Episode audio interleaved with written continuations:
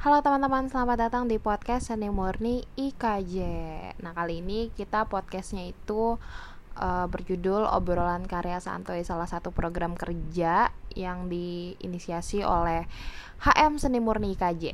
Nah obrolan karya santuy ngomongin karya tapi santuy gitu kan ya. Dan karya yang akan diomongin ini dari perupa kita yaitu Marsi Lamsun Lukas Lukas ini angkatan 2016, seni murni KJ, dan akan dimoderatorin oleh Wirani Putri.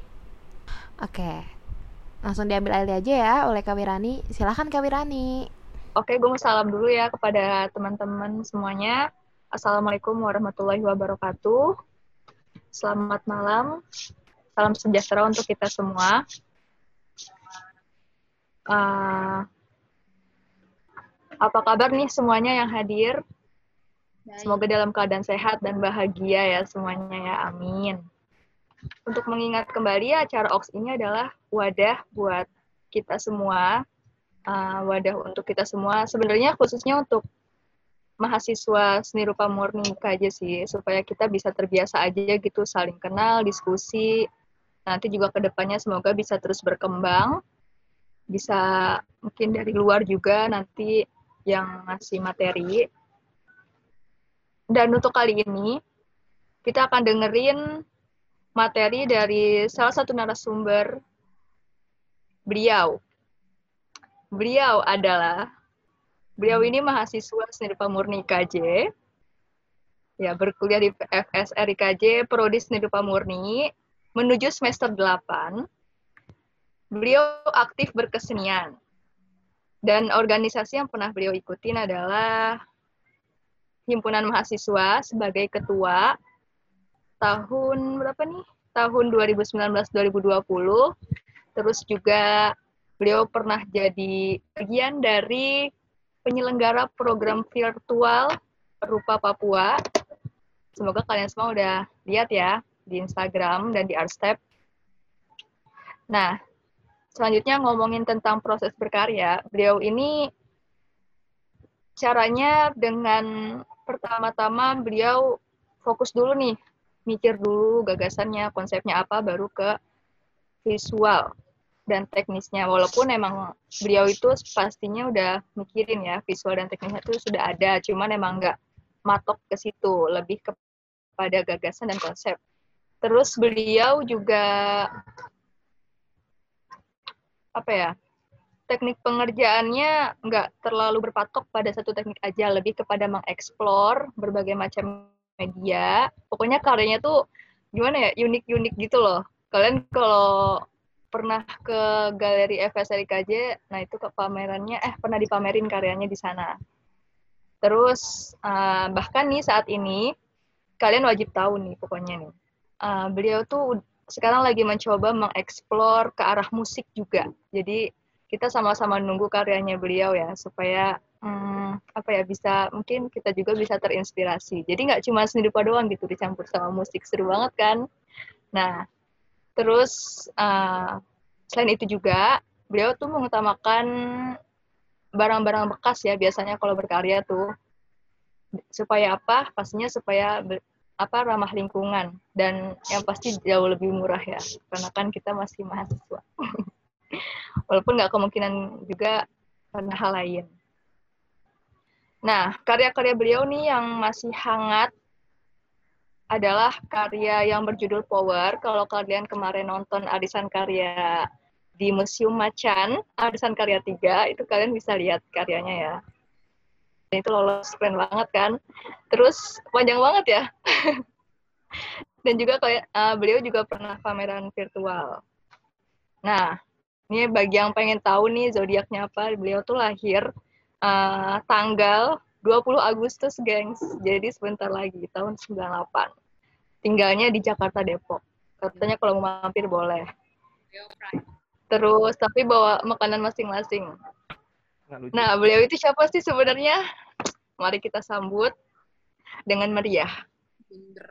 Oke, beliau tersebut adalah Marsila Mesin Lukas, narasumber kita. Yeay! Yeay. Meriahin dong.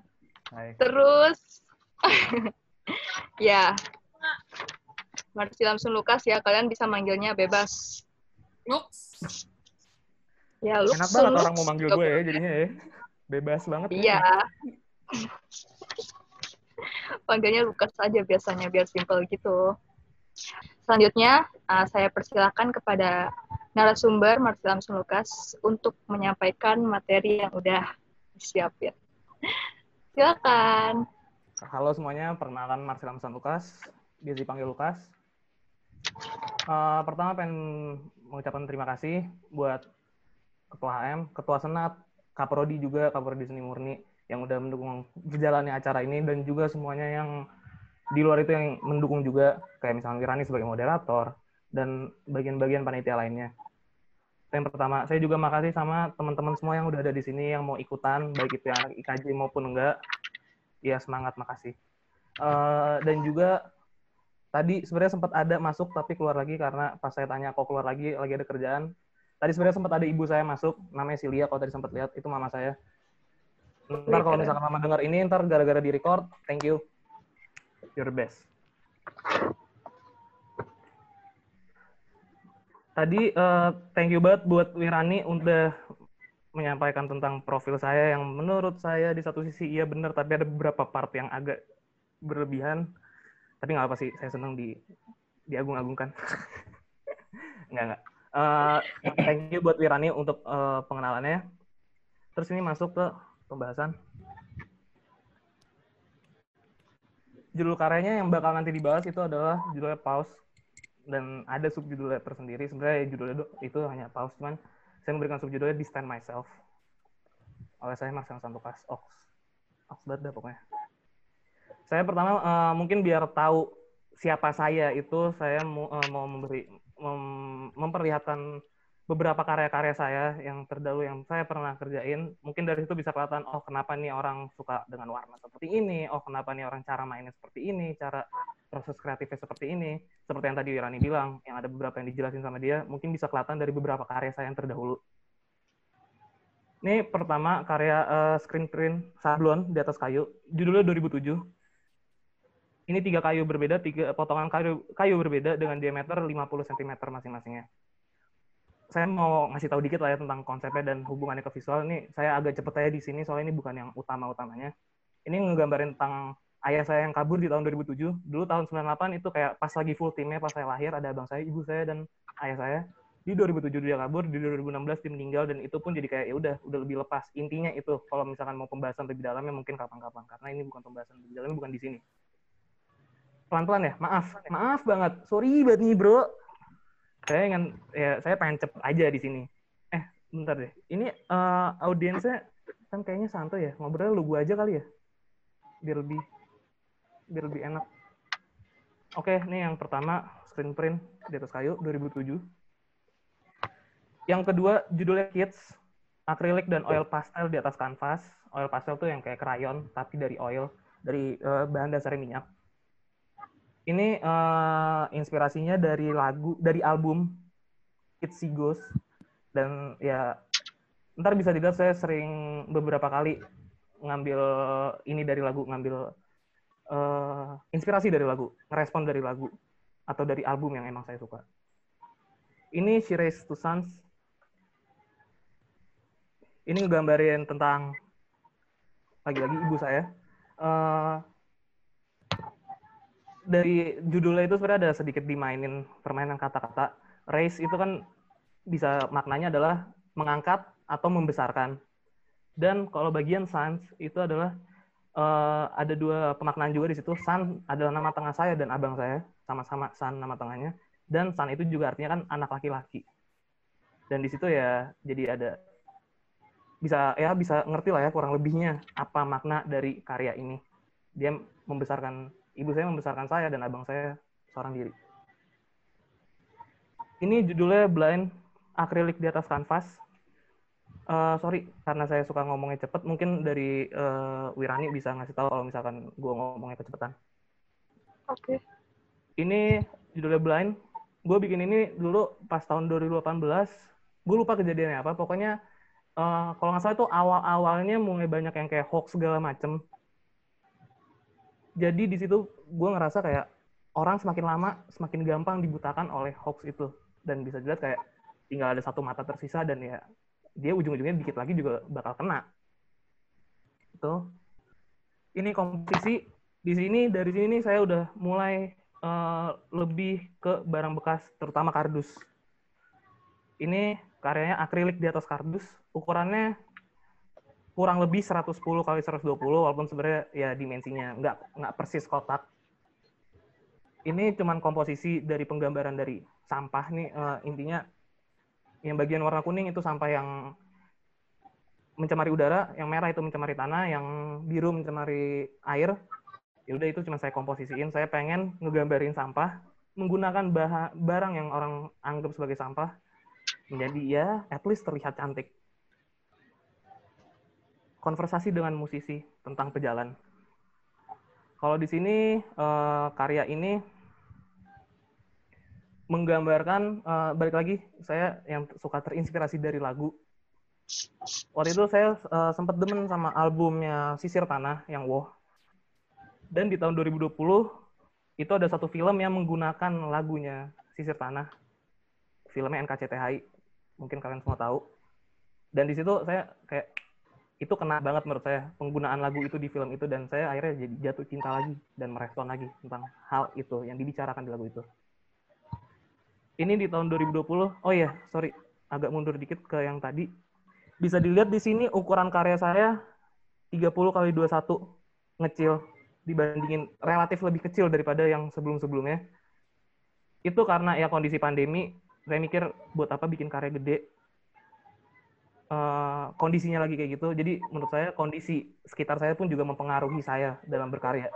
Dan di sini juga ini ukurannya cuman di karya yang akhirat tanpa dunia 7 kali 14 cm. Di sini saya juga mulai mengeksplor garis dari pena dan uh, spidol. Inti karyanya ya cuma ngegambarin orang yang fokus sama akhirat doang, tapi lupa dengan di dunia tuh sebenarnya sedang ada yang terjadi di depan matanya. Ini karya digital balik lagi uh, saya suka ngerespon lagu dan kalau di sini album Turn Out the Lights ini album yang saya sangat suka banget di tahun 2020 ini kena banget menurut saya di saya. Ini albumnya Julian Baker. Ya ini eh, garis-garis uh, ini saya gambarin sebagai saya ngerasa garis-garis ini menggambarkan ekspresi yang ada di album tersebut. Ini yang tadi Wirani sebut power akrilik di atas kardus. Ukurannya 60 kali 23,5 cm. Inti dari karyanya sebenarnya ya saya sebagai pribadi atau kita semua punya power untuk keluar dari itu bisa ada, kayak semacam awan gelap dan menerangi apa yang ada di depan kita, menerangi apa yang ada di sekitar kita. Inti dari karyanya itu. Ini karya judulnya Woods, akrilik di atas kardus, 60 kali 60 cm. Saya suka ngerespon lagu, berkali-kali saya bilang, ini dari lagu uh, Bon Iver judulnya Woods. Dan itu menurut saya juga uh, berhubungan dengan apa ya sebenarnya nggak berhubungan dengan pandemi tapi berhubungan dengan jarak antara kita dengan orang yang ada di sekitar kita. Makanya saya merasa karya uh, lagu tersebut tuh menggambarkan apa yang sedang terjadi. Dan kita masuk ke karya utama pause ini versi digitalnya dan ini versi akrilik di atas kardus ukurannya 100 kali 100 cm Oh iya, ini juga ada kalau bisa dilihat di bagian mata yang listnya warna krem, coklat krem itu, itu bahannya pakai uh, koran dan bubur kertas disatuin dan dibentuk matanya nonjol dan di bagian mataharinya juga. Kalau dari karya ini, inspirasinya secara uh, inspirasi karya secara visualnya itu dari albumnya Bon Iver, 22 Million. Yang ngerjain adalah Eric Timothy Carlson. Uh, bagi saya album apa penggambaran seperti ini, simbolisme yang kuat seperti ini, saya sangat suka dengan simbolisme-simbolisme yang kuat. Mungkin ada juga, saya nggak tahu sih sebenarnya uh, ini jadi pembagian tersendiri juga. Teman-teman mungkin bisa cek esoterik. Itu pas saya lihat itu arahnya kayak ke arah keagamaan segala macam. Saya juga masih belum terlalu ngedalemin. Cuman kurang lebihnya karya-karya esoterik tuh yang kalau teman-teman pernah lihat karya-karya yang ada di kartu tarot yang simbolismenya kuat kurang lebih ya kayak gitu. Dan saya masih belum tahu itu karya uh, pembagiannya apa. Mungkin dari teman-teman ada yang tahu nama jenis karya-karya yang seperti itu tuh apa. Mungkin boleh sharing di sini juga. Cuman inspirasinya kurang lebih dari situ. Simbolisme yang kuat pause. Oke okay, uh, eh, ini mulai masuk ngebahas ke konsepnya. Saya jelasinnya secara umumnya dulu. Pause ini tuh ngegambarin tentang hubungan saya dengan lingkungan sekitar hubungan identitas diri saya sendiri dan di dalam identitas itu yang saya pertanyakan di diri saya sendiri adalah dan yang saya bicarakan di diri saya adalah permasalahan orientasi seksual dan panteisme. Untuk lebih dalamnya uh, uh, bakal saya kasih ntar. Ini beberapa link nanti saya kirim di chat juga yang menginspirasi video-video ini menginspirasi saya untuk menciptakan karya ini. Sangat sangat menginspirasi banget dan di situ ada uh, dari apa yang akan saya bahas nanti. Kalau teman-teman mau nyari pembahasan yang lebih bersifat akademisnya, itu ada di sini. Di tiga link ini, ntar saya share di bagian chat. Oh ya, sorry, balik lagi. Uh, saya pengen ngejelasin secara umum ya, kayak semacam narasi dari karya ini tuh apa.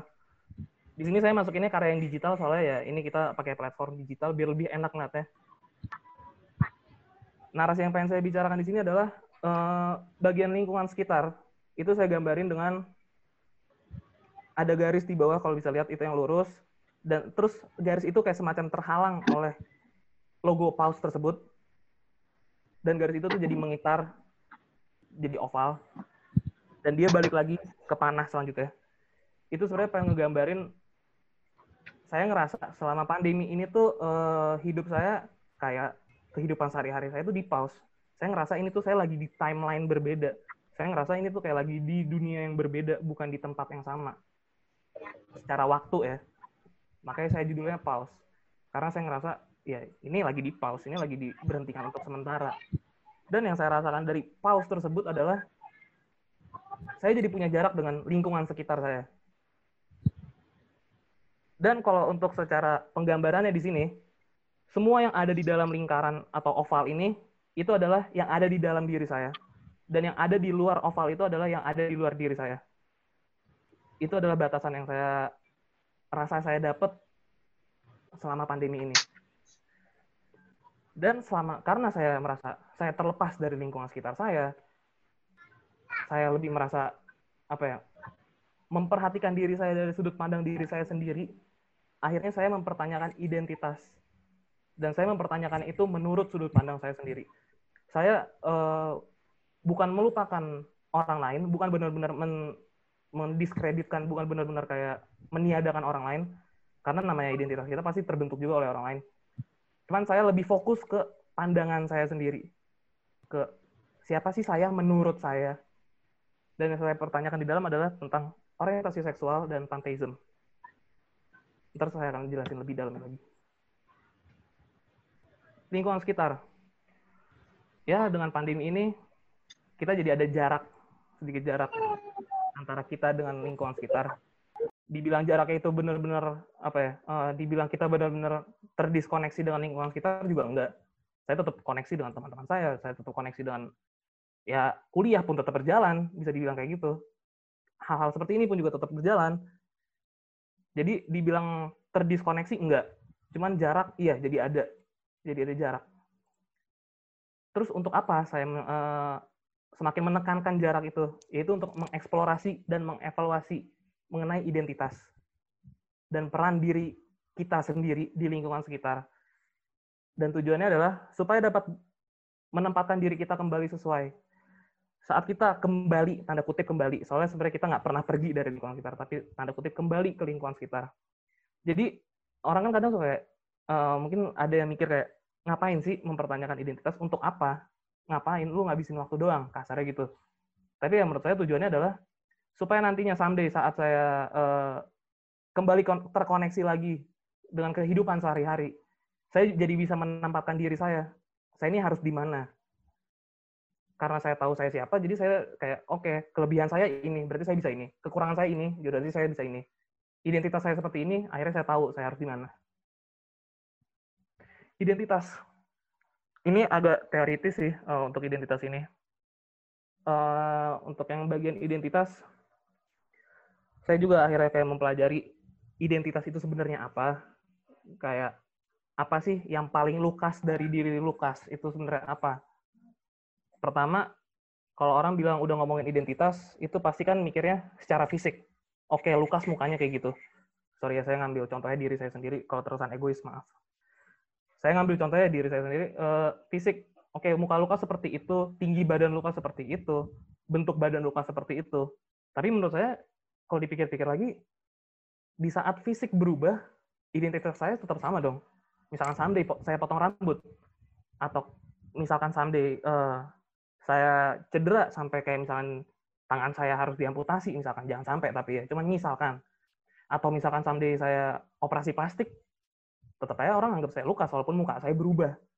Makanya saya mikir, berarti fisik bukanlah yang paling saya dari diri saya.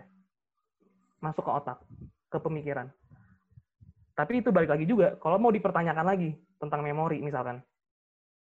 Uh, saya ingat apa misalkan memori saya berubah kayak entah saya jadi lupa ingatan segala macam itu kan udah berhubungan dengan otak padahal itu bagian yang diri saya sendiri banget tapi ya maupun saya lupa dengan cara melukis saya lupa dengan teman-teman saya, saya lupa dengan segalanya, dan orang lupa dengan saya, misalkan, tapi pasti identitas saya tetap saja seorang Lukas.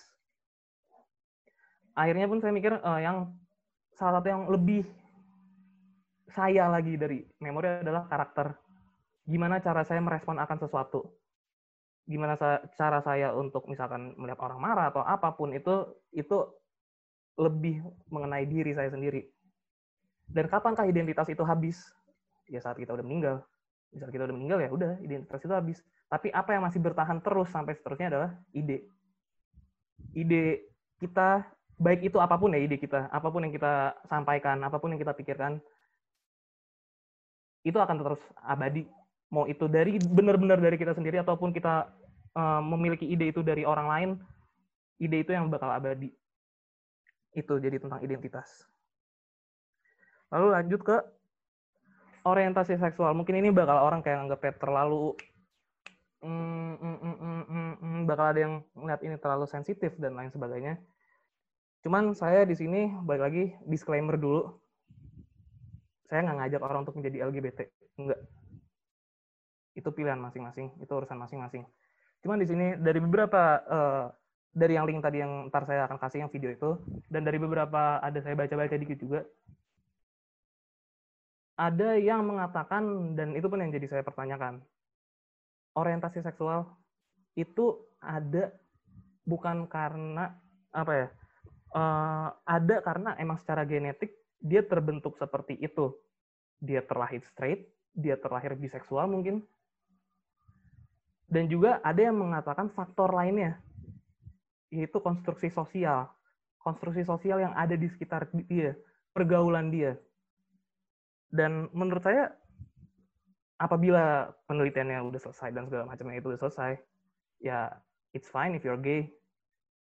Dan sekalipun misalkan kalian terlahir dengan atau kita terlahir dengan genetik biseksual misalkan atau gay konstruksi sosial kita kan juga ngebentuk kita kalau konstruksi sosial kita ngebentuk kitanya dengan oke okay, saya misalkan biseksual terlahir ya tapi konstruksi sosial saya orang-orang pergaulan sekitar saya uh, merasa sangat mendorong saya untuk tidak ke biseksual. Ya saya nggak bakal jadi biseksual. Cuman itu yang saya uh, apa ya? Saya pengen di uh, supaya ini bisa di, kita diskusikan bareng-bareng. Asalnya orientasi seks itu dari mana? Dan apa ya?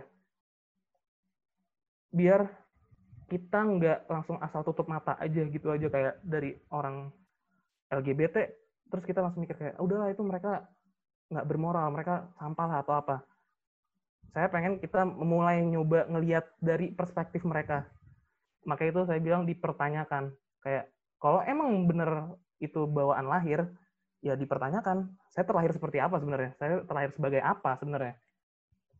Dan tujuannya adalah balik lagi sama dengan identitas supaya bisa menempatkan diri kita nantinya dengan sesuai saat kita tanda kutip kembali ke lingkungan sekitar serta dapat memahami individu atau kelompok yang memiliki orientasi seksual yang berbeda dengan kita.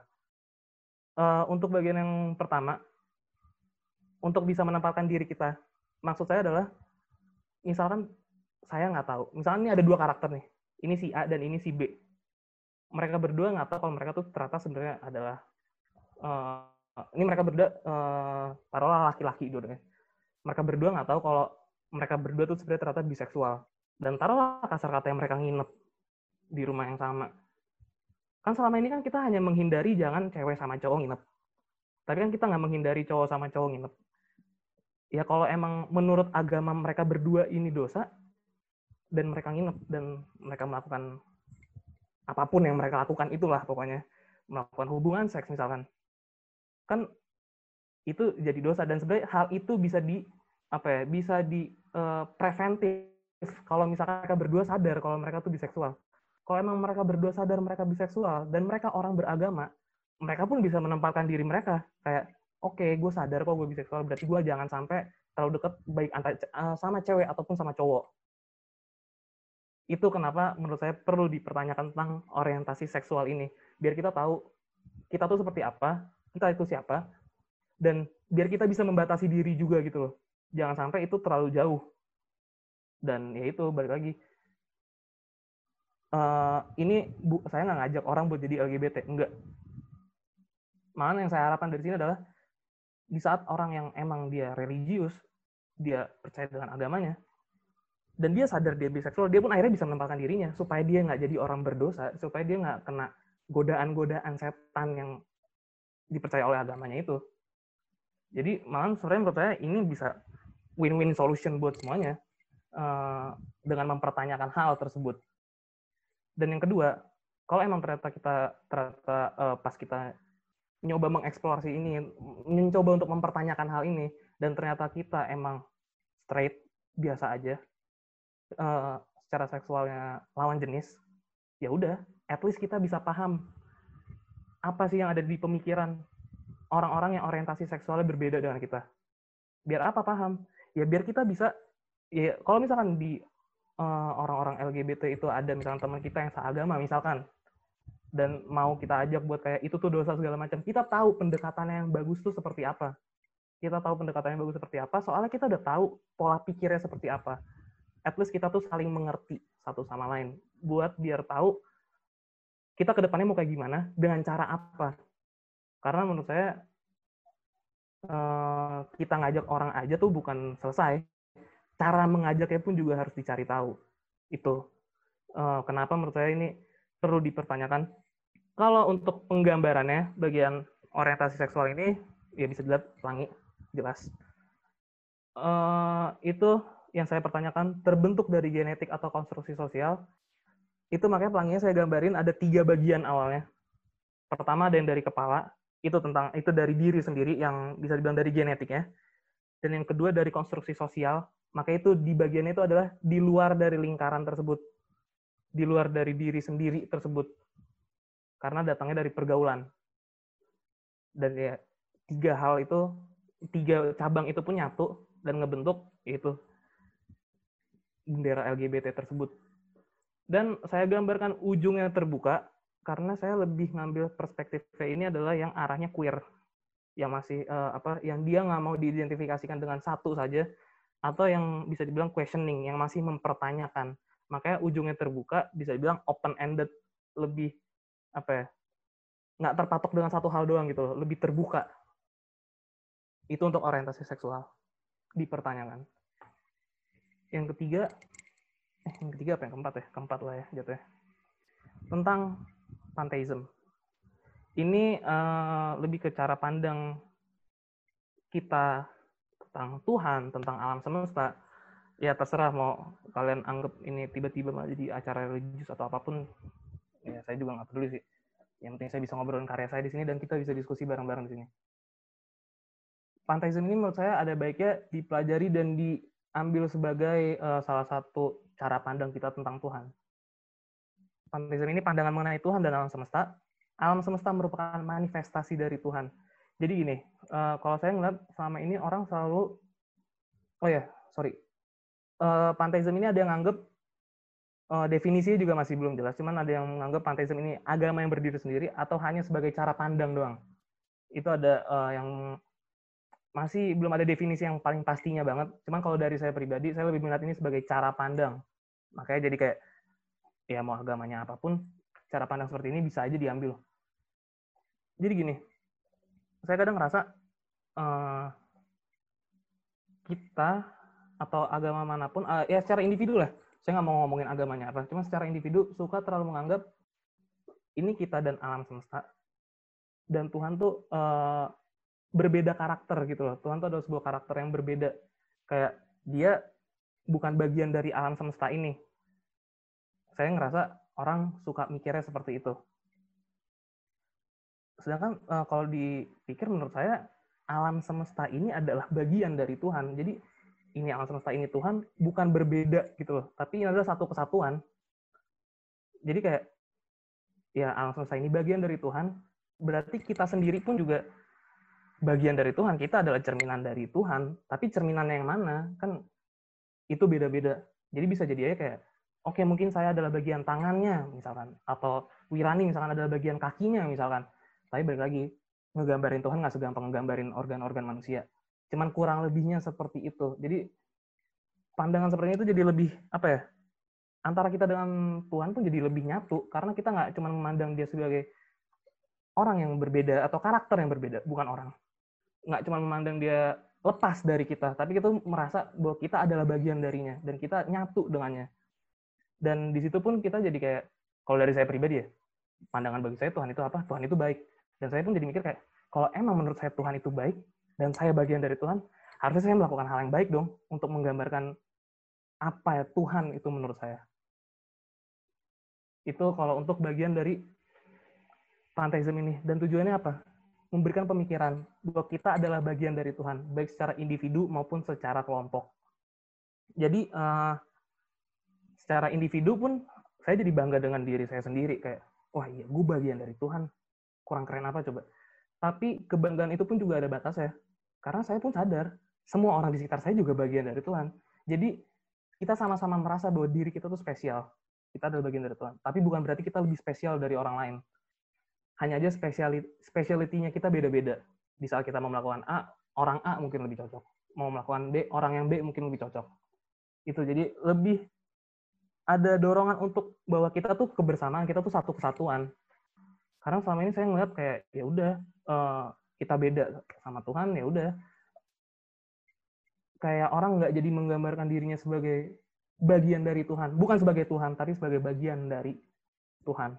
Dan itu menurut saya pandangan yang ya yang lumayan bukan lumayan sih, malah menurut saya itu pandangan terbaik. Dan uh, untuk seniman saya pernah baca dari bukunya Sanento Yuliman pernah ngebahas tentang Ahmad Sadali. Mungkin teman-teman yang punya bukunya Sanento Yuliman yang judul uh, yang bunga rampai itu itu Ahmad Sadali saya pas saya baca juga ini pemikirannya kurang lebih sama. Dia adalah seorang Islam dan dia merasa bahwa uh, alam semesta ini adalah bagian dari Tuhan. Hukum alam itu adalah hukumnya Tuhan. Hukum alam ya yang misalkan saintifik segala macam, yang hukum fisika dan lain sebagainya itu adalah hukum yang diciptakan oleh Tuhan. Dan pandangan panteisme ini juga menurut saya bisa membuat pandangan antara sains dan agama orang kan kadang suka kayak udahlah history sains atau apa pun itu tuh terpisah dari agama. Sedangkan dengan pandangan seperti ini kita merasa menyatu dengan alam semesta dan kita merasa Tuhan adalah alam semesta adalah bagian dari Tuhan antara sains dan agama pun nyatu jadinya. Nggak berdiri saling berjauhan satu sama lain dan dua-duanya bisa tumbuh bersama. Lebih progresif sih jatuhnya jadinya karena ya mungkin dengan pandangan seperti ini someday orang uh, dengan kitab sucinya yang mungkin bisa dibilang multi tafsir orang jadi menafsirkannya dengan fakta yang emang ada.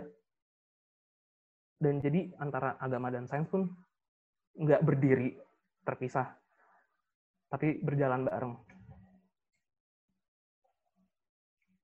Heboh ya? Heboh emang. Seru dah pokoknya. Untuk pembahasan karya sebenarnya sampai di situ. Mungkin tadi sorry ada yang kelewat untuk bagian oh ya pengen ngejelasin juga untuk bagian pantheism ini saya gambarinnya itu bisa dilihat di atas ada matahari dan tata suryanya. Uh, kenapa saya gambarinnya itu? Kan itu balik lagi saya pengen bicarakan ini alam semesta. Alam semesta itu tapi kan terlalu luas. Kalau misalnya saya gambarinnya galaksi dan lain sebagainya. Dan nggak deket di mata orang pasti. Di mata orang yang lihat kayak ngapain sih dia ngabarin alam semesta secara luas nggak nggak terlalu terkoneksi. Sedangkan menurut saya tata surya itu lebih terkoneksi lah sama manusia karena itu kan ya rumahnya bumi rumahnya kita juga jatuhnya. Jadi lebih berasa kedekatan dengan alam semestanya itu lebih dapat di penggambarannya. Dan kenapa matahari di tengahnya ya sun gitu kan sun Lukas sama untuk yang identitas tadi sorry uh, lupa buat ngasih tahuin ini partnya yang mana bagiannya yang mana di karya. Itu di yang fisik itu di bagian wajah yang bagian otak itu bisa dilihat ada kayak kebagi tiga. Yang pertama itu bagian otak yang ada hitam sama pink warnanya. Soal itu otak secara full. Yang kedua adalah memori. Itu yang cuman warna hitamnya doang. Putih uh, pinknya jadi warna putih. Dan untuk bagian karakter itu cuma warna pink doang. Kalau itu menurut saya dua bagian berbeda yang ada di dalam otak. Dan untuk bagian idenya di mana? Ya karya ini idenya. Untuk bagian wajah bisa dilihat itu ada di samping kiri kanan wajahnya ada mata dan itu mengitari dan ada panah ke atasnya. Yaitu itu mata saya sendiri. Ya saya memandang saya seperti ini. Karena itu ada di dalam lingkaran yang pembagian sisi luar dan sisi dalam diri saya, mata itu ada di bagian dalam dan itu adalah ya ini pandangan saya tentang diri saya sendiri ke depannya seperti apa. Ya mungkin teman-teman juga bisa jadi kayak, wah iya, ini sepertinya patut dipertanyakan juga, patut dibicarakan juga dan lain sebagainya. Bawel ya saya, bawel ya gue, maaf ya. Udah segitu aja Mbak Wirani. Uh, Terima kasih nih untuk Mas Ilham Lukas atas narasumber paparannya tadi sangat menarik ya. Nah, ini kita lanjut uh, lanjut dulu untuk sesi tanya tanya jawab. Uh, sebelumnya saya pengen ngasih tahu dulu bagi yang ingin bertanya, barangkali bisa bersedia buat buat menyebutkan identitasnya kalau nggak keberatan dan pertanyaannya bisa ini waktunya kan kita kasih sekitar 30 ya. 30 menit buat sesi tanya jawab karena tadi kita ngaret acaranya tapi nggak apa-apa. Dimohon buat antusiasnya ya teman-teman yang hadir di sini buat mengkritisi, buat menanyakan tentang karya-karyanya Marcel Lukas tadi. Oke, bisa langsung saja kita mulai sesi diskusi, sesi obrolan kita ini. Untuk teman-teman yang hadir, silakan uh, waktunya dimulai. Uh, tadi ada yang kurang jelas, bisa boleh tanya juga. Atau mungkin ada bagian yang mau dikritik, kayak kok kayaknya ini kurang apa, kurang apa. Mau secara visual ataupun secara pemikirannya juga nggak apa-apa. Atau dengan karya-karya ya. yang lebih lama, menurut saya uh, sendiri pun juga nggak apa-apa. Cuman lebih fokus ke karya yang ini Nah, kritik aja teman-teman. Iya. Orangnya demen kritik ah. juga sih. Kalau nanya Bang Lukas. Eh iya. Iya. Tenang ya. Soalnya kan cuma dari tadi mau pertama mau ngasih tahu dulu yang karya Paus ini keren banget. Uh, Thank menurut saya. Um, oh ya, aku Isya dari IKJ Seni Murni angkatan 19. Um, dari tadi penasaran aja uh, karyanya ini dibikin simetris itu uh, ada maknanya atau mungkin cuma sekedar estetika atau gimana bang?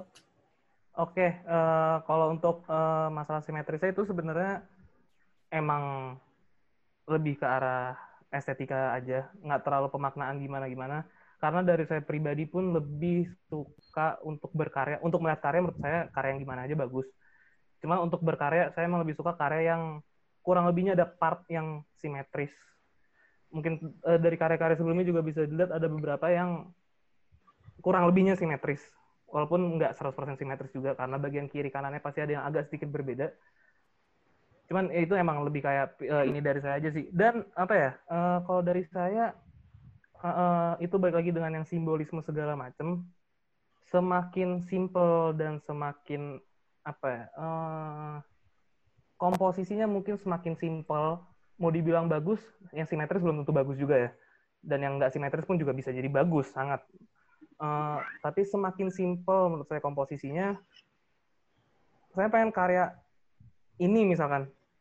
Karya ini tuh bisa cocok baik itu digital ataupun lukisan atau di mana pun atau misalkan someday saya bikin baju dan walaupun bajunya itu lecek cuman nggak uh, apa ya simbol-simbol ini tuh sebisa mungkin tetap terlihat jadi makanya saya lebih suka dengan bentuk yang simetris biar ke mana aja tuh bisa masuk gitu uh-huh.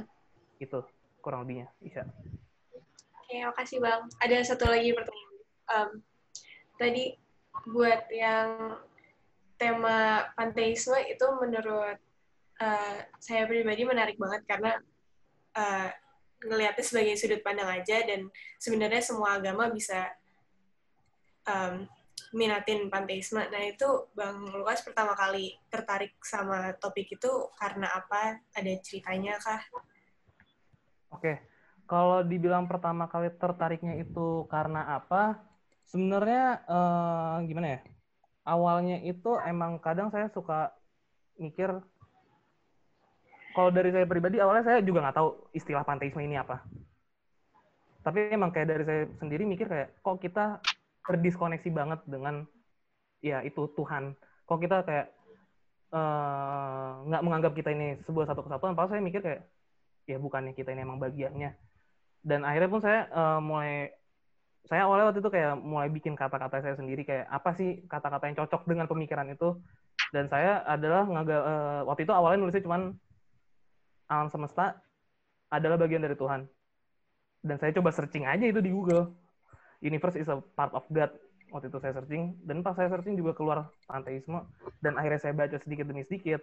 Saya lihat uh, yang pertama kali membicarakannya itu ada saya pun juga belum terlalu membaca banget ya untuk yang pertama kali membicarakan namanya Baru Spinoza filsuf dia juga uh, yang pertama kali meng apa ya mendatangkan kata-kata panteisme ini dan ya saya pun juga ngelihat sebenarnya di kehidupan sehari-hari walaupun banyak lebih banyak orang yang itu tadi terdiskoneksi antara hmm. hubungannya dengan Tuhan tapi ada juga orang yang masih kayak ngerasa oke okay, gue tetap menyembah Tuhan sebagai karakter sebagai se seseorang yang lain.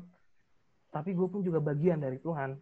Dan gue melakukan ini karena gue bagian dari Tuhan. Dan saya sendiri melihat ada beberapa orang yang melakukan hal itu. Dan saya lebih terinspirasi dari situ. Akhirnya saya nyari tahu di Google ya muncul kata-kata ini panteisme. Gitu sih kurang lebih. Oke bang. Ada pertanyaan lagi itu di chat. Abs tuh Ntar ya, kita wakil Halo mau tanya sorry lewat chat. Apa yang jadi pemicu bikin karya yang bisa menyinggung banyak hal? Mungkin ada referensi seniman. Oke kalau pemicunya sebenarnya pemicu awalnya ya karena itu mulai nggak ada apa mulai ada jarak dengan orang lain ya. Itu uh, oh ya sorry dibacain dulu mungkin.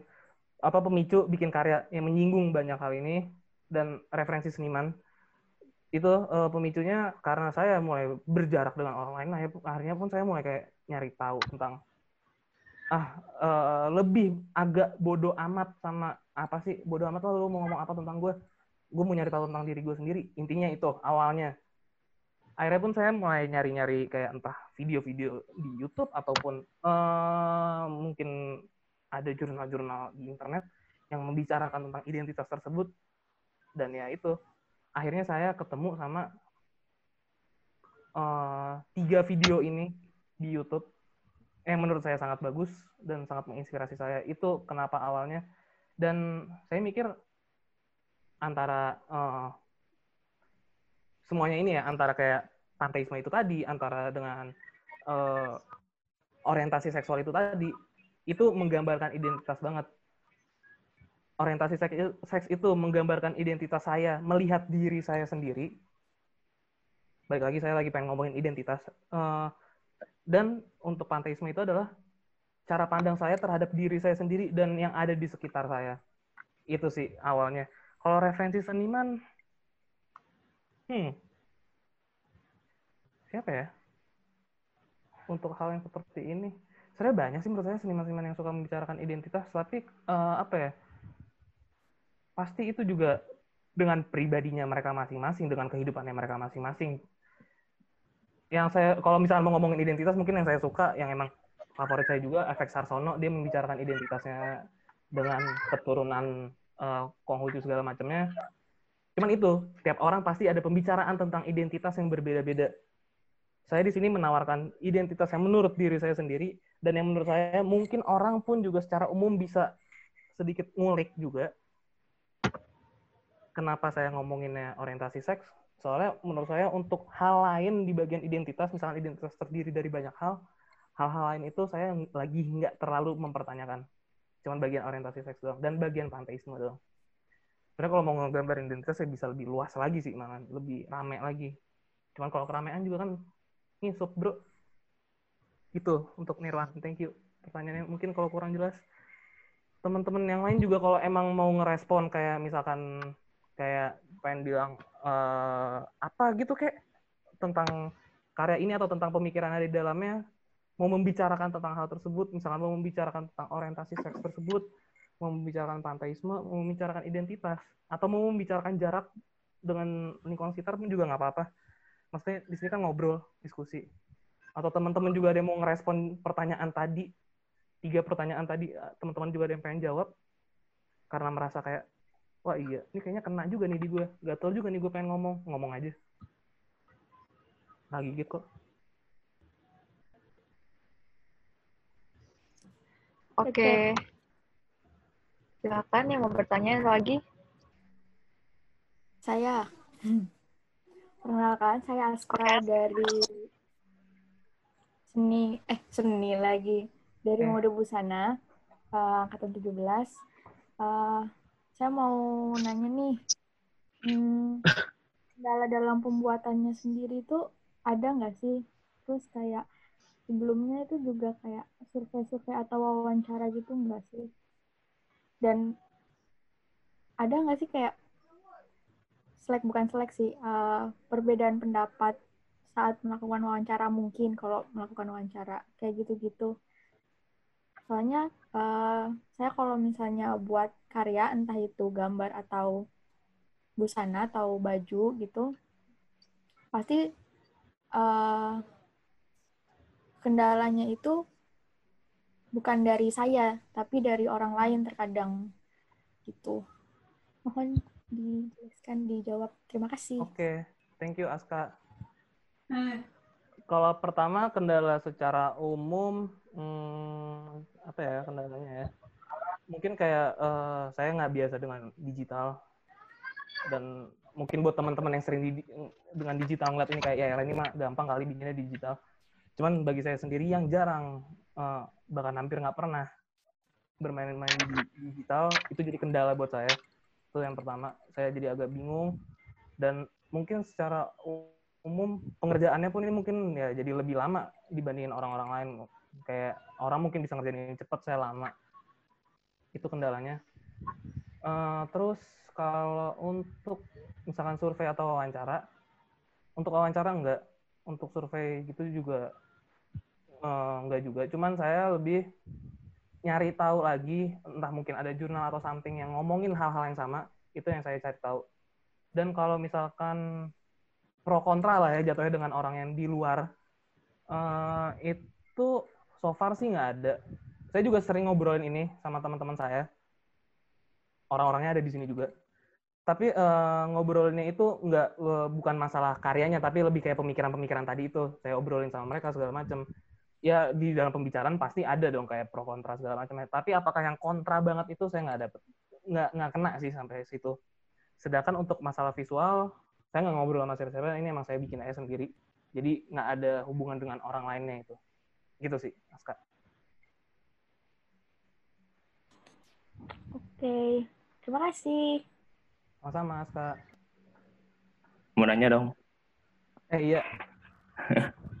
Monggo. Kalau ada. Dengan siapa di mana? Kalau nggak ada. Ini uh, ada. Perkenal. Oke. Okay. Uh, perkenalkan, saya Emir uh, dari DKV Angkatan 16 Peminatan Ilustrasi kasih uh, mau nanya uh, ini kas yuk kalau dilihat dari karya-karya sebelumnya kan lu kan apa ya bisa dibilang jauh dari stilasi gitu. Gue ngeliatnya ini sebagai stilasi gitu penyerahan gitu bentuk-bentuk stroke, bentuk-bentuk garis. Hmm? Ya kalau misalkan dilihat karya-karya sebelumnya kan lu, uh, gue lihat sebelumnya lagi sih. uh, ya semakin kes, semakin ke sini tuh uh, jadi ke arah simbol-simbol gitu, ke arah stilasi. Nah ini kan, nah uh, yang gue tanyain adalah uh, kenapa lu me membuat karya lu ini uh, jadi semakin stilasi gitu, semakin punya banyak simbol gitu.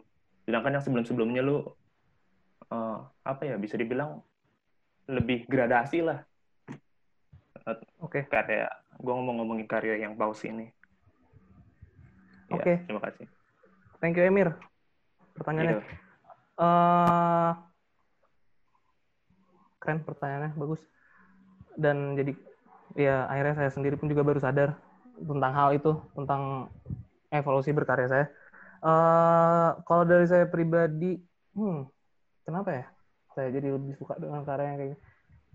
Mungkin balik lagi kayak yang uh, tadi, saya pengen karya saya tuh bisa masuk di mana aja. Jadi saya pengen sesimpel mungkin tapi tetap uh, eh, apa yang mau dibicarakan tuh tetap terlihat.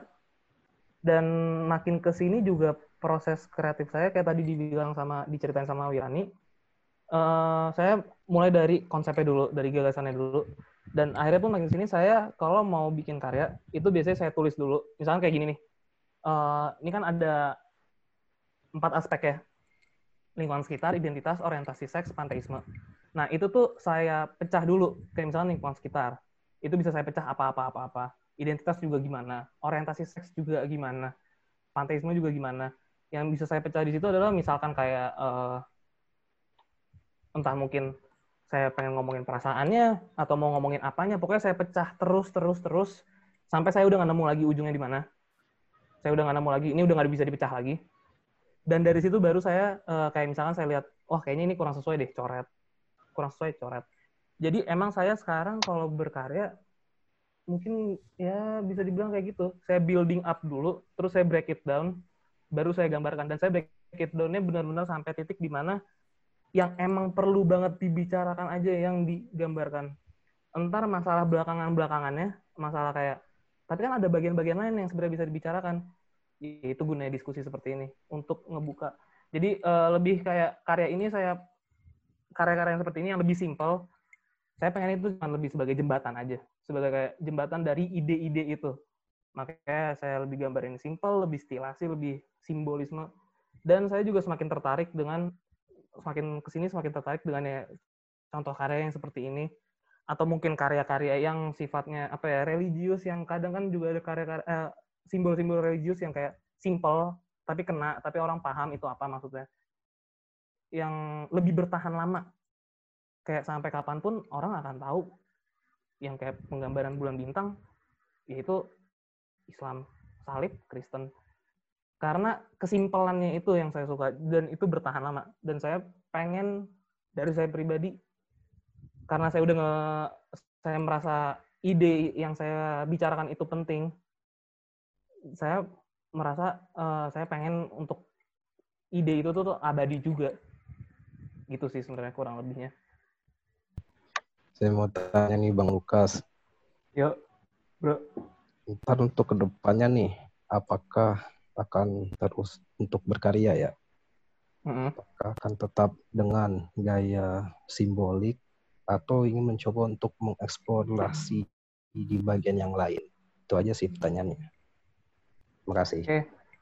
thank you, Demas. Pertanyaannya. Uh, untuk sementara ini sih dari saya pribadi yang saya pikirkan sejauh ini sih tetap bertahan di simbolik ini. Cuman misalkan uh, itu baik lagi uh, dari proses berkarya saya, proses kreatif saya, saya ngeliat konsepnya dulu seperti apa. Kalau emang ternyata ya saya tetap uh, si yang karya-karya simbolik ini jadi inspirasi saya. Cuman misalkan ternyata dari konsepnya kok kurang sesuai misalkan dengan penggambaran seperti ini kok kurang kena, itu ya udah uh, inspirasi simbol itu pun harus saya geser atau mungkin saya pakai sedikit gitu. Tapi untuk sejauh ini sih dari yang ide-ide saya sekarang dan apa yang saya sering bicarakan sekarang, so far sih ya penggambaran simbolik masih bisa kena. Tapi kalau emang uh, suatu saat nanti ada penggambar apa konsep yang nggak sesuai dengan penggambaran simbolik, ya udah harus saya kesampingkan karena menurut saya ide itu lebih lebih bermakna daripada teknisnya. Sama bermaknanya, cuman menurut saya lebih sedikit lebih tinggi idenya. Teknisnya itu adalah cara membicarakannya. Gitu deh mas. Halo. Halo. Halo. uh, mau Halo. nanya dong, Kas. Iya. Kenalan dulu kali. Saya siapa? Iya, oh iya, sorry, sorry. Uh, nama gue Labaika, gue dari Murni 16, IKJ. Kan tadi agak telat nih joinnya, terus pas join lagi ngomongin religius-religius gitu. Terus tadi ada pertanyaan aja gitu dalam proses berkarya lo yang pendekatannya lebih religius, ada ketakutan lo nggak sih dalam proses pembuatan karyanya kayak buat narik garis ini takut ada menyinggung sana sini atau gimana gitu kas? Thank you. Oke. Kalau untuk takut nyinggung sono sini, mungkin untuk part yang religius itu adalah ya yang panteisme itu tadi lah ya. Sebenarnya orientasi seks juga ada menyinggung masalah uh, religiusnya juga. Cuman kalau dari saya pribadi sih dibilang ada ketakutan enggak juga sih. Enggak enggak enggak yang kayak gimana-gimana banget.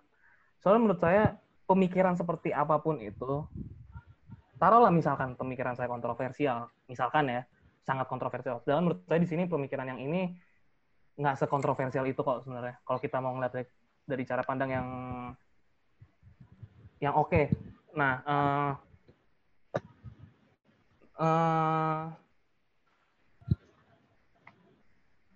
sekalipun misalkan ada yang terlalu kontroversial, saya pun juga akan melakukan pendekatannya dengan cara pendekatannya yang se sekalem mungkin gitu loh biar sekalipun pembahasannya kontroversial orang yang anti dengan hal tersebut pun juga jadi bisa ikutan kayak mikir juga bisa ikutan ngambil perspektif yang sama.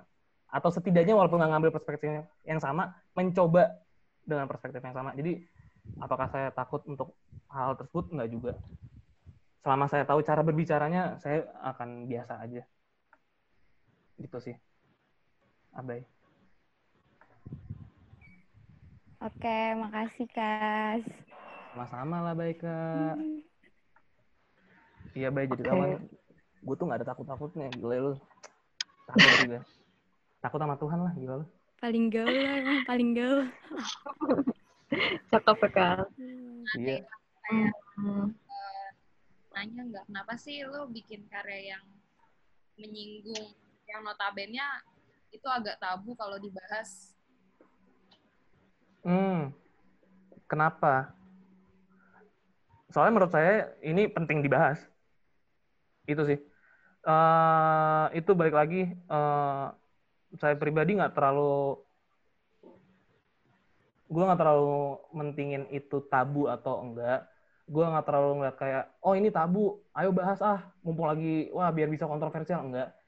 Jangan menurut gue mau tabu ataupun enggak, selama itu penting dibahas, ya udah ayo kita bahas soalnya siapa tahu aja ada pembahasan yang sebenarnya nggak tabu tapi penting untuk dibahas. Dan ya kebetulan aja di sini emang pembahasannya yang notabene-nya tabu. Itu sih. Jadi sebenarnya nggak terlalu mikirin tabu atau enggaknya. Who cares kalau tabu? Terus kayak ya kalau misalnya ngomonginnya misalkan ya ngomonginnya tabu tapi dengan cara yang salah dengan perspektif yang salah pun juga orang malah jadi kayak apaan sih nih orang? Atau misalkan ngomonginnya hal yang nggak tabu, hal yang biasa aja, tapi dengan cara yang salah pun juga orang jadi kayak ngeliatnya, ini orang apa sih, caper atau mau ngapain sih sebenarnya? Gitu sih paling. Selanjutnya Lukas, ada Mas Walid nih di chat. Di oh, iya, chat. Mas. Mas Walid nanya, apa yang diharapkan setelah karya ini selesai dibuat nih Lukas? Terus, apakah ada perbedaan saat membuat karya di masa pandemi dan sebelum pandemi? Ada dua ya berarti, berarti pertanyaannya. Oke, itu pertanyaannya. Ya. Oke, kalau untuk uh, thank you Mas Walid buat pertanyaannya. Untuk uh, harapannya dengan karya ini udah selesai, ya itu saya berharap pertama kalau dari diri saya sendiri eh, sedikit meluangkan ide saya dan jadi saya nggak mikirin ini sendirian dan saya nggak stres sendiri dengan hal ini. Eh, terus eh, juga saya berharap dengan karya ini ditambah dengan diskusi ini juga. Jadi saya nggak mau karya ini tuh berakhir hanya sebagai karya doang. Makanya saya senang dengan saya diundang untuk diskusi seperti ini. Karya ini tuh ada ber- keberlanjutannya, yaitu ke diskusi ini. Ya saya berharap ide-ide ini, ide-ide yang saya sampaikan di karya ini, nggak orang mungkin eh, ya di satu sisi kalau mau ngambil secara egois saya berharap orang menerima ide-ide ini. Tapi di sisi lain adalah eh, saya nggak bisa saya, saya egois itu. Saya berharap orang setidaknya ikut mempertanyakan tentang hal ini, ikut membicarakan tentang hal ini, tentang ide-ide yang ada di sini. Mau dia pro ataupun kontra, tapi sama-sama kita berbicara tentang hal ini dengan ya cara yang baik, bukan dengan marah-marah dan lain sebagainya, dan pendekatan yang baik. Itu kalau dari harapan saya dari karya ini.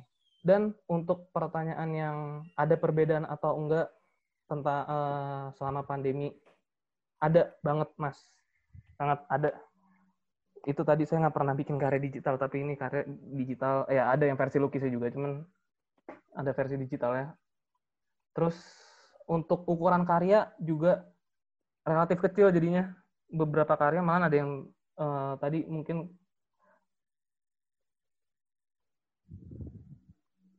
ini ukurannya 7 kali 14 cm dan saya mulai eh, ada karya-karya drawing juga Eh, itu sih eh, perbedaannya selama pandemi. Saya eh, bikin karya yang ngikutin eh, secara teknisnya itu ngikutin kondisi sekarang.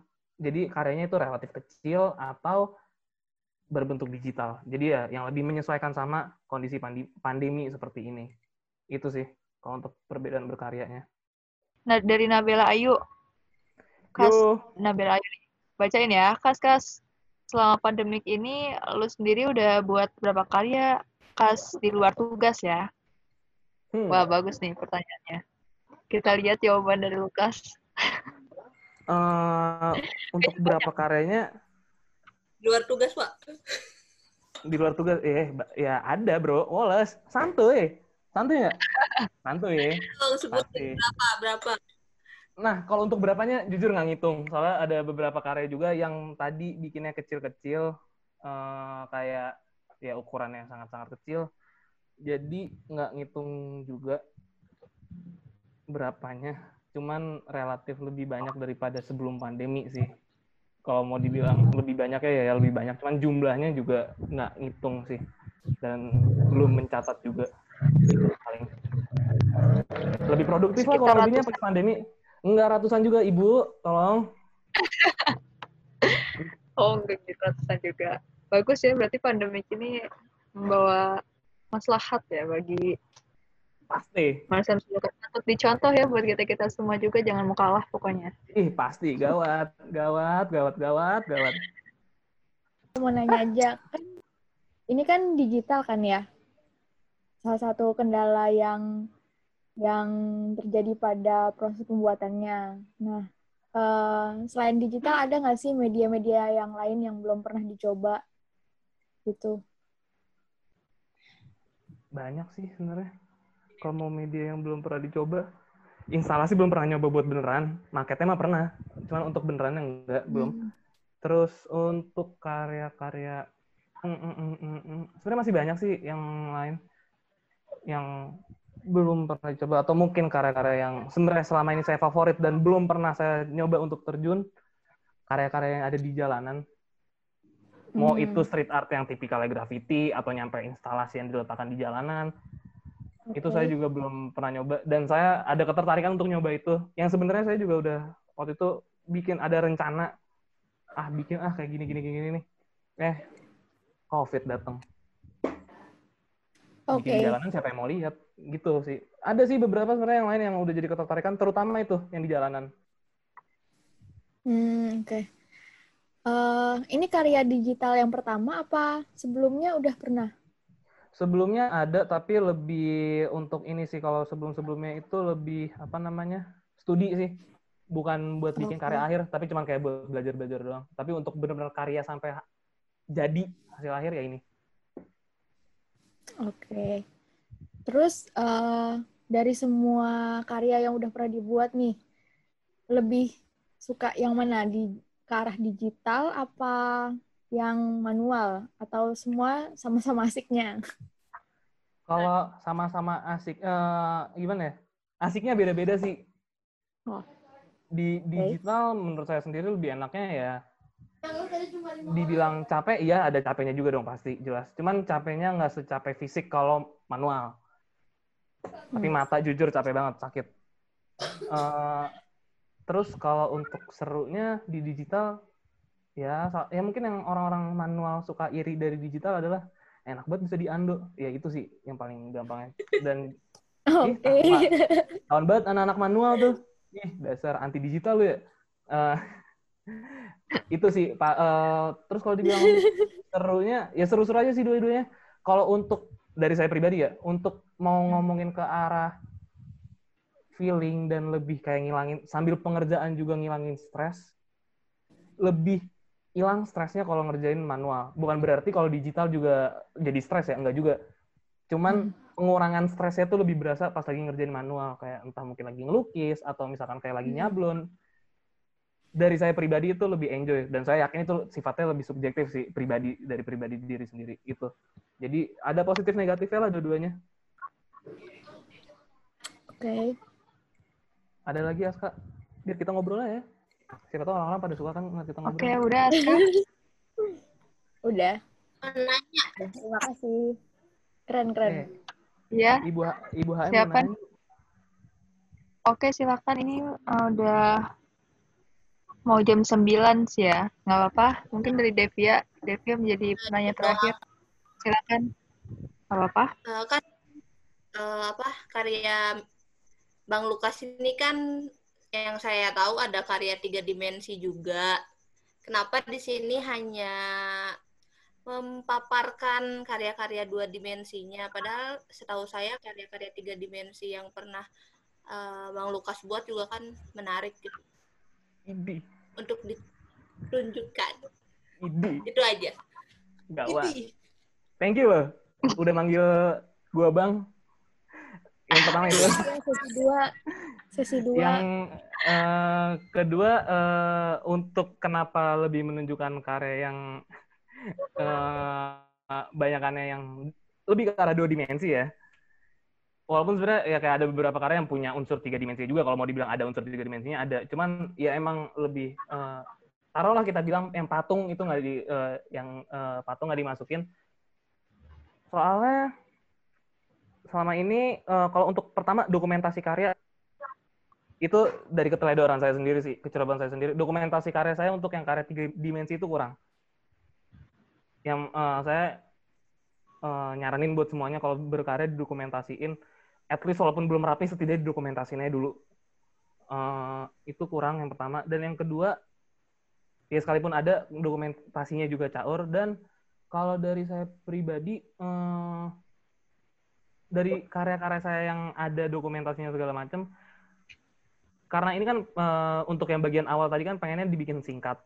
Dan eh, untuk mempersingkat waktu menurut saya karya yang apa ya yang bisa menggambarkan diri saya di masa-masa tertentu yang tadi juga ditekankan oleh Emir tuh yang masalah evolusi berkarya itu karya-karya ini.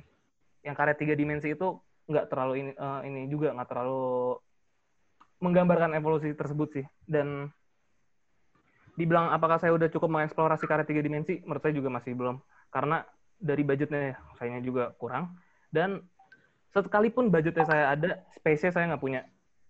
Itu kenapa saya kurang mengeksplorasi ke sana. Kalau misalnya someday saya punya space tersendiri untuk menempatkan karya saya ya saya mungkin akan lebih mengeksplorasi karya tiga dimensi. Itu sih Oke, terima kasih. Ini sebenarnya masih banyak kali yang mau nanya ya, termasuk saya. Cuman nggak apa-apa, karena udah mepet banget ya, udah jam 9. Jadi kita sudahi sesi diskusi pada kesempatan ini. Teman-teman semua, jadi demikian acara OPS perdana kita yang membahas tentang karya dari Marcel Lamson Lucas yang kali ini tuh tadi berjudul Pause, Distance Myself gitu ya. Nah, teman-teman bisa ambil kesimpulan masing-masing. Kalau dari saya sendiri, uh, saya bisa coba buat nyimpulin hasil dari obrolan kita tadi. Yang paling point of view bagi saya sih sebenarnya tuh tadi butuh kita bisa ternyata refleksi diri sendiri juga sih tentang ya, tadi orientasi seksual kita tuh kayak gimana, terus tentang panteism juga tentang identitas diri juga yang sangat-sangat perlu ya walaupun mungkin banyak orang yang kayak buat apa sih buat apa sih? gitu tapi nggak bisa juga ya kayak gitu. Dan thank you juga nih buat Pansilam Sunukas tadi udah nge-share apa referensi film-film yang itu juga bisa jadi ternyata bisa jadi apa ya pemacu stimulus kita buat berkarya gitu. Jadi banyak banget. Dan juga ketakutan-ketakutan kita mungkin para seniman-seniman muda ataupun uh, desainer-desainer muda untuk berkarya tuh kita perlu contoh jangan takut gitu ya. Kalau di kontroversial tinggal di cari solusi gimana oke okay, tanpa panjang lebar uh, sekian dari saya dan semoga nanti ini kan oh, semoga nanti kita bisa ketemu lagi. Thank you banget nih buat teman-teman yang udah nyempetin waktunya untuk nonton, udah ngeluangin waktunya untuk nonton acara OX ini. Terima kasih banyak juga untuk narasumber dan untuk pertama-tama juga untuk Kaprodi kita dan pembimbing Mas Guntur Mas Wali terima kasih sudah nonton sampai akhir. Dan dari saya sendiri yang kurang berkenan. Selanjutnya saya alihkan kepada Master of Ceremony kita, Ayu. Nah, teman-teman, kita udah sampai di penghujung acara. Terima kasih kepada Kak Wirani yang telah moderatori acara pada kali ini dan Bang Lukas yang telah hadir dan memberikan uh, penjabaran karyanya yang berjudul Pau. Semoga teman-teman dapat mengambil hikmah dari karya tersebut. Karena yang baik diambil, yang buruk dibuang.